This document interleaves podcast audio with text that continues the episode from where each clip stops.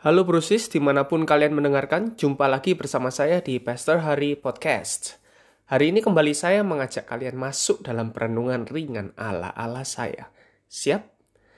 Tahu nggak sih, saya pernah lo gondrong. Bahkan baru-baru aja sebenarnya. Memang nggak gondrong-gondrong banget sih, tapi rambut saya pernah bisa dikuncir. Saya menyukai sebenarnya, apalagi dikuncir putar kecil di belakang yang kerennya disebut sebagai man bun. Tapi tidak mudah loh untuk bisa mendapatkan rambut panjang, apalagi bagi cowok. Karena cowok biasanya rambutnya pendek dan yang bikin tidak mudah, yang bikin gak gampang adalah proses. Proses dari pendek ke panjang. Rambut ketika pendek terlihat rapi dan bagus, enak dipandang, memang. Ketika sudah panjang dan bisa diatur, juga rapi sebenarnya, asal bisa diatur ya, dan enak juga dipandang. Yang bikin resah adalah masa di antaranya, antara pendek dan panjang di antaranya. Sebut saja masa itu adalah masa proses. Jujur aja, buat saya, pemilik rambut, saya sebenarnya juga risih. Sangat tidak enak dipandang dan sulit diatur, terutama bagian samping. Sehingga harus nantiasa bersabar dan merapikannya. Bersabar dan merapikannya. Bersabar dan merapikannya. Terus, terus, dan terus. Dan ini membuahkan hasil ketika rambut bagian tertentu sudah cukup panjang dan bisa diatur, ada kepuasan tersendiri. Sesuatu yang selama ini dinantikan akhirnya terwujud, rambut panjang. Nah, proses di mana pun kalian mendengarkan, begitu pula dengan kita sebagai anak-anak Tuhan, sebagai orang percaya. Mazmur 27 ayat 13 14, pemazmur ya ini yang mengatakan, mengatakan begini. Sesungguhnya aku percaya akan melihat kebaikan Tuhan di negeri orang-orang yang hidup. Saya ulang ya, sesungguhnya aku percaya akan melihat kebaikan Tuhan di negeri orang-orang yang hidup. Nantikanlah Tuhan, kuatkanlah dan teguhkanlah hatimu. Ya, nantikanlah Tuhan. Sebagai orang percaya kita pasti mengenal ya apa yang telah Tuhan janjikan melalui firman-Nya sesuatu yang kita harapkan untuk dapat kita alami. Janji-janji Tuhan ya kan? Dan percayalah itu pasti akan terjadi karena Tuhan tidak pernah ingkar janji. Tuhan tidak pernah berdusta. Tapi masalahnya kita hidup di dunia fisik di dunia jasmani yang menuntut segala keperluan kita terpenuhi dengan segera.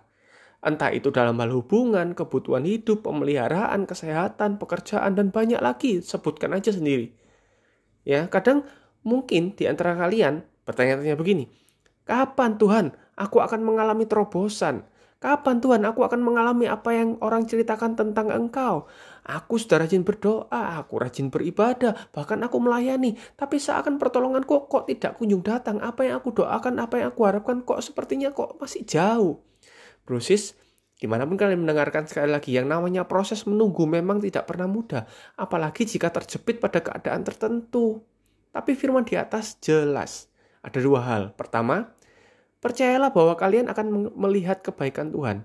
Tanpa mempercayai, maka kita tidak akan mengalami. Saya ulang ya. Tanpa mempercayai, kita tidak akan mengalami. Wih, keren nih.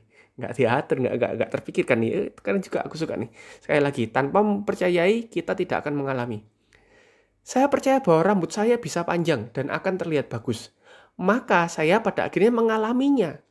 Kita percaya bahwa orang tua kita somehow pasti menyediakan apa yang saya perlukan untuk sekolah, untuk jajan, untuk baju, sepatu, sepatu. Oh, sepatunya terlalu banyak. Buku, sepatu. Ya, tanpa perlu memikirkan bagaimana cara orang tua saya menyediakannya. Karena itu bagian orang tua saya, bagian saya dalam mempercayainya. Dan itu terjadi buat saya ketika saya sekolah, ketika saya masih tinggal dengan orang tua, masih tanggung jawab orang tua. Maka segala yang saya perlukan pasti disediakan oleh orang tua saya. Saya mempercayainya. Kedua, setelah mempercayainya, so what? Oke, okay, aku percaya akan melihat kebaikan Tuhan. What's next?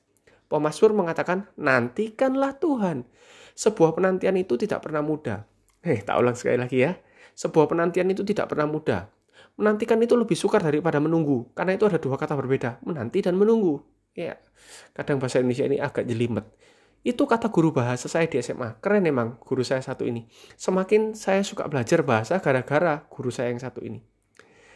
Mengapa menanti lebih sukar dari menunggu? Menunggu. Coba. Menanti itu tidak jelas kapan tibanya. Menanti itu tidak jelas kapan pemenuhannya. Karena kalaupun kita bisa bertanya pada si penantian kapan tibanya, dia akan berkata, nanti kamu pasti tahu. Nanti, karena namanya juga penantian. Dan nanti ini seakan tidak berujung. Sedangkan menunggu adalah proses yang jauh lebih terkendali. menunggu bel pulang sekolah, menunggu jam makan, menunggu kelahiran anak, menunggu dan menunggu sudah jelas, ya kan?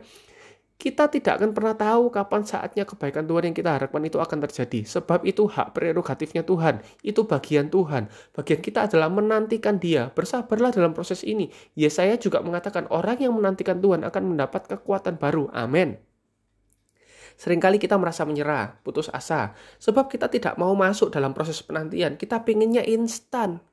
Kita hanya mempercayai dan berhenti di sana, which is good mempercayai itu. Tapi kita tidak bisa melanjutkan pada penantian. Kita tidak akan bisa melihat apa yang kita percaya terjadi jika kita tidak melanjutkan pada penantian akan janji Tuhan itu bahwa itu akan dinyatakan buat kita.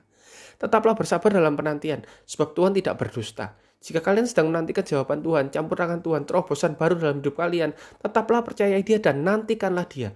Dia tahu waktu yang terbaik untuk memberikannya kepada kita semua, oke? Okay? Mari berdoa. Tuhan Yesus, di masa-masa sukar ajar kami terus berharap dan mempercayaimu dengan segenap hati kami. Ampuni kami jika ada saat di mana kami merasa putus asa. Tolong kami, kuatkan kami. Kami mau belajar terus mempercayaimu dan menantikanmu. Bapa, aku berdoa, Aku minta penyertaanmu buat setiap orang yang mendengarkan hari ini. Engkau mengenal mereka dan tahu saat terbaik untuk menyatakan janjimu terjadi bagi mereka. Terutama mereka yang di musim ini sedang mencari pekerjaan. Tuhan kau Allah yang menyediakan bagi mereka. Mereka yang sakit, Tuhan kau sembuhkan sesuai dengan waktumu yang terbaik Tuhan.